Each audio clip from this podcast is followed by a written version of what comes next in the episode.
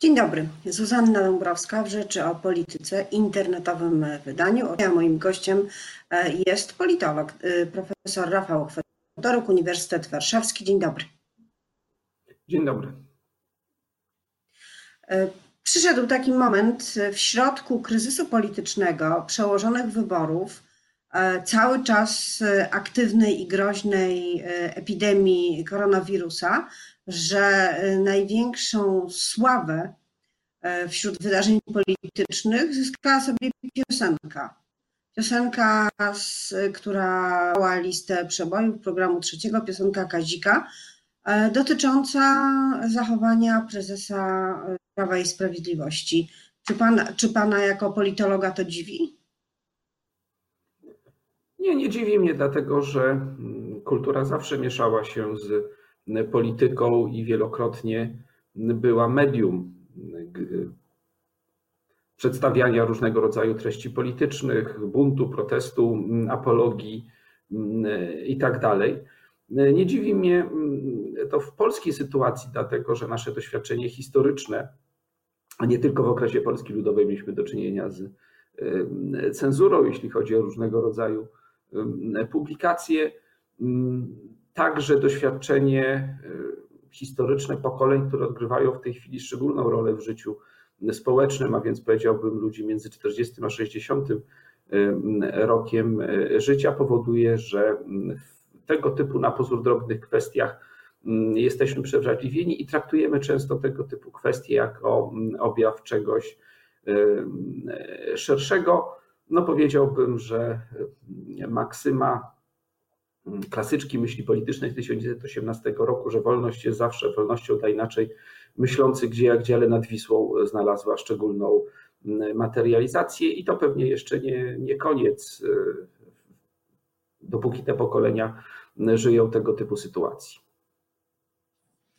A czy y, władza, jaka by ona nie była, czyli czy na tym poziomie y, najwyższym politycznym, bo wypowiadali się e, posłowie także partii rządzącej, e, władza radiowa także, czyli pani prezes, dyrektor programu e, trzeciego, czy oni mają szansę wygrać takie starcie, starcie, jak pan powiedział, z kulturą, z czymś, co jest swego rodzaju soczewką, przez którą się widzi rzeczywistość? Nie no, w oczywisty sposób.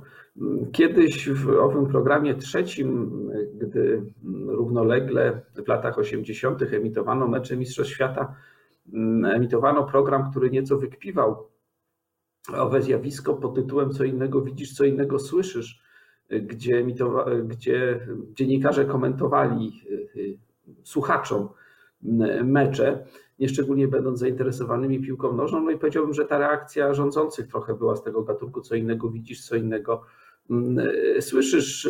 Zasadnym w swojej argumentacji krytykom restrykcyjnych działań nie towarzyszyły restrykcyjne działania, a wielokrotnie Prawo i Sprawiedliwość tym próbowało odróżnić się od innych partii politycznych, że mówiąc wprost, nie oszczędzało swoich protegowanych w sytuacji, w których zaczynały ich działalności dotyczyć różnego rodzaju wątpliwości. W tym wypadku mm, tej stanowczości, przynajmniej w pierwszych paru dziesięciu godzinach kryzysu, mm, odnaleźć nie można. Oczywiście nie jest to sprawa, która mogłaby rozstrzygnąć mm, wynik wyborów, ale jej echa obejmują nie tylko te grupy społeczne, które i tak ponadstandardowo często są krytyczne wobec PiSu i głosują na inne partie, ale może z tych względów historycznych, o których mówiłem, dotyczyć to mm, części tych roczników, w których poparcie dla Zjednoczonej Prawicy jest nieco wyższe niż w,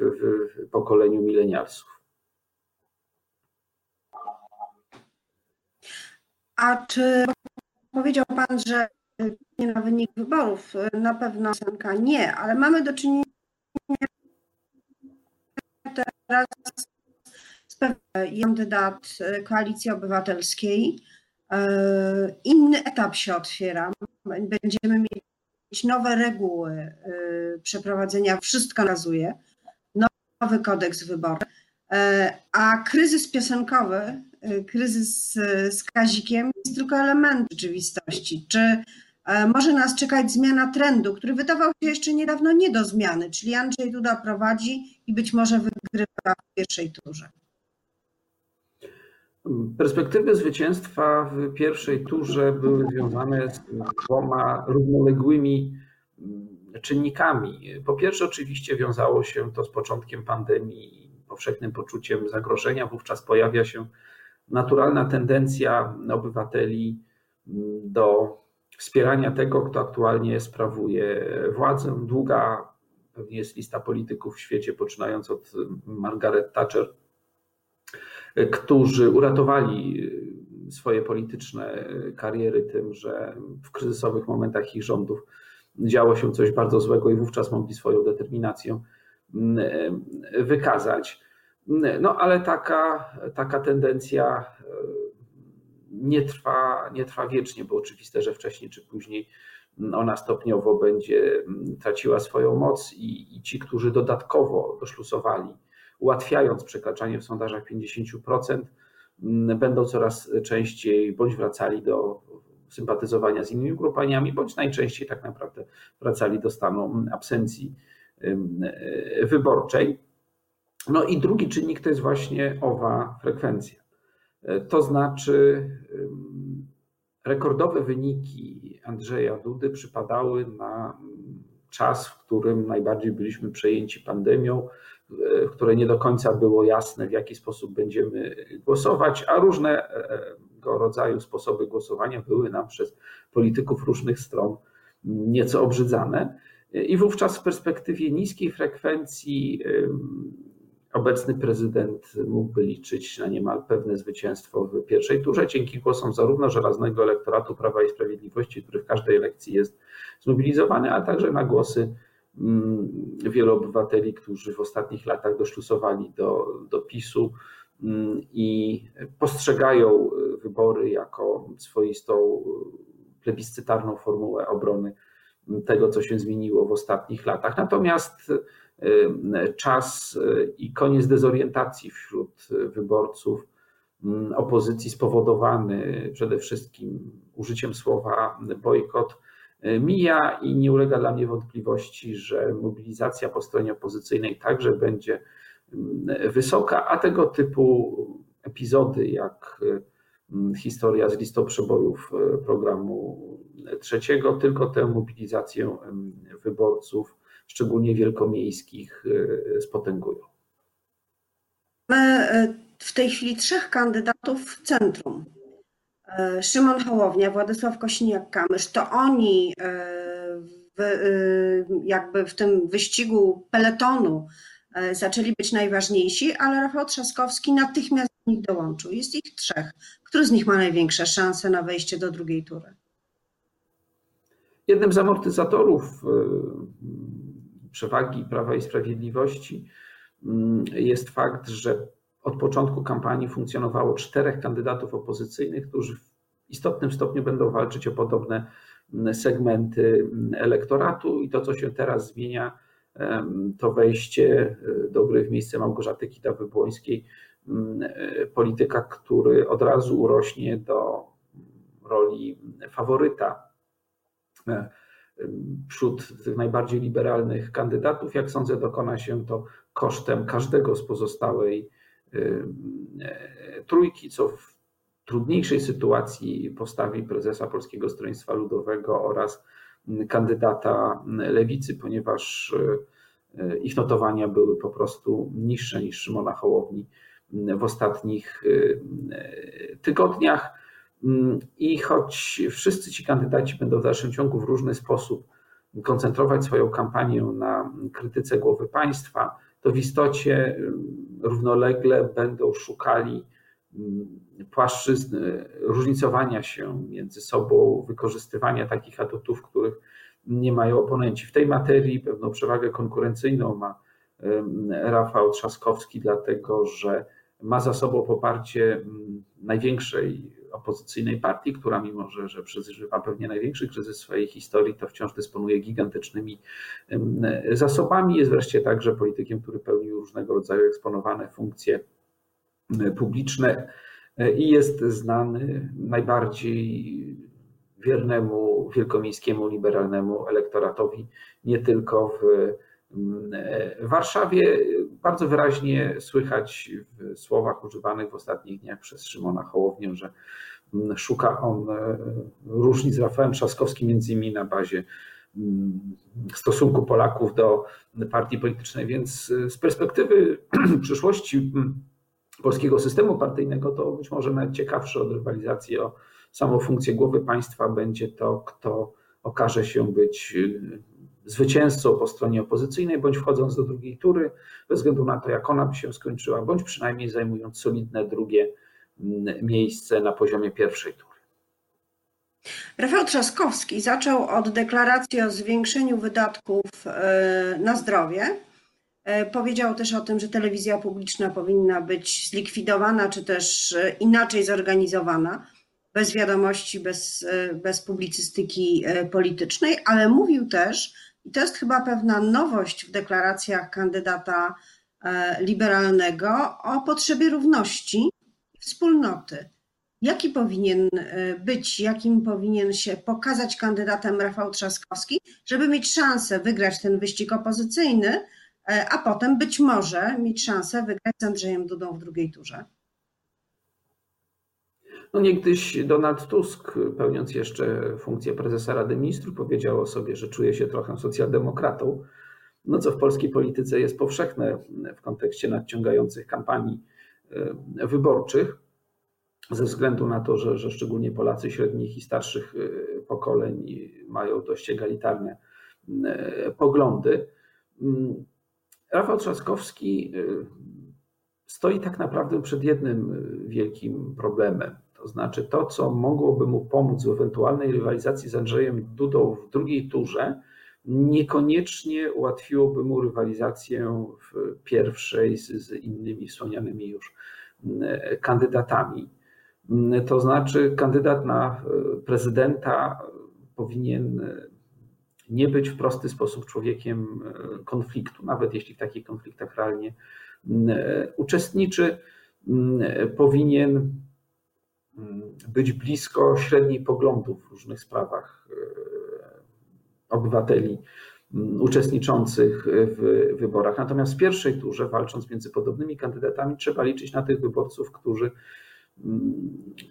na trwałe sympatyzują z jakimś podmiotem politycznym. I stąd na przykład bardziej wyrazisty, bardziej emancypacyjny przekaz w kwestiach kulturowych, który mógłby być trudny w drugiej turze wyborów, no, co pokazały elekcje mm, w ubiegłym roku.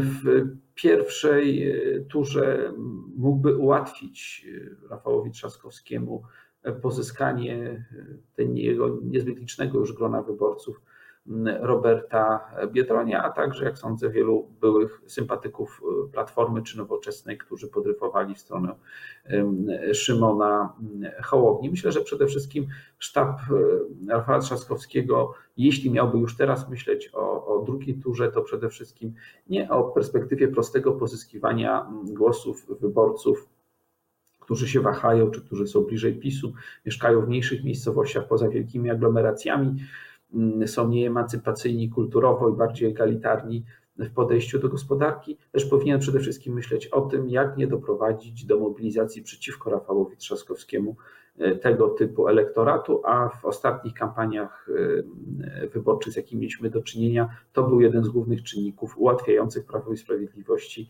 mm, zwycięstwo i to z dość wysokimi procentowo e, wynikami.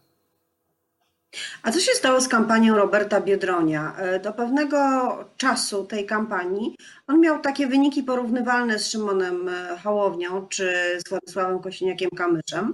E, te 8-9%, nawet czasem więcej, i nagle to się załamało. Czy lewica nie potrafiła zbudować dobrego przekazu dla niego, czy chodzi o jego postać, on jako polityk jest nie słabo akceptowany? Co się wydarzyło? Generalnie polska polityka obfituje w paradoksy, bo jeśli spojrzymy na politykę partyjną, to SLD i Lewica mają się całkiem nie najgorzej w ostatnich y, tygodniach i udana inicjatywa Okrągłego y, Stołu i aktywność w obronie interesów pracowniczych przy mm, uchwalaniu antykryzysowych rozwiązań. Myślę, że w tym wypadku nie zdano sobie sprawę z kontekstu, w jakim wybory będą się toczyły. I nie mam tu na myśli pandemii, bo można się spodziewać, że prawie nikt w polskiej polityce nie spodziewał się skali zjawiska. Natomiast mam tu na myśli fakt, że już w zeszłym roku było oczywiste, że 2020 rok będzie przebiegał mm, przy dużo bardziej złożonych realiach y, ekonomicznych. I tymczasem Robert Biedoń poprzez profil swojej aktywności przez wiele lat był politykiem, który nade wszystko kojarzył się z polską wersją amerykańskich wojen y, kulturowych, a więc tematyką, która jest atrakcyjna dla niektórych niż wyborczych a w sytuacji y, dominacji innych treści związanych y, z, z, gospodarką, z polityką społeczną oraz szeroko pojętym bezpieczeństwem, taki polityk znalazł się trochę w próżni. Dla liderów lewicy jest to lekcja, która powinna im uświadomić, że niewątpliwie wielki sukces w wyborach sejmowych, który, który odnieśli, niekoniecznie miał aż tak bardzo silne podstawy, jak to się wydawało, że bardzo wysoka frekwencja wyborcza, zamieszanie w w środowisku Platformy Obywatelskiej mm, powodowały, że mm,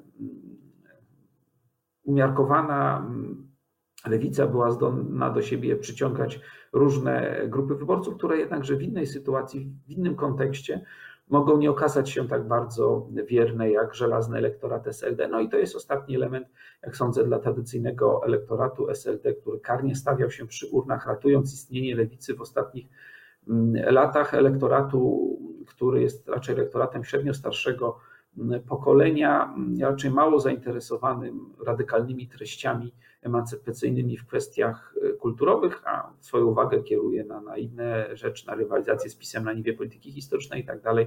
Robert Biedroń mógł być wyjątkowo nieatrakcyjną e, e, kandydaturą, a w sytuacji, w której istnieli inni kandydaci o podobnym przekazie, podobnym profilu w łatwy sposób wyborcy, nawet ci na pozór najwierniejsi, mogli w tej sytuacji migrować. To była lekcja dla lewicy, a my wszyscy już jesteśmy po lekcji polityki z profesorem Rafałem Fedorukiem, za co bardzo dziękuję. Dzisiaj był gościem Rzeczy. Do zobaczenia.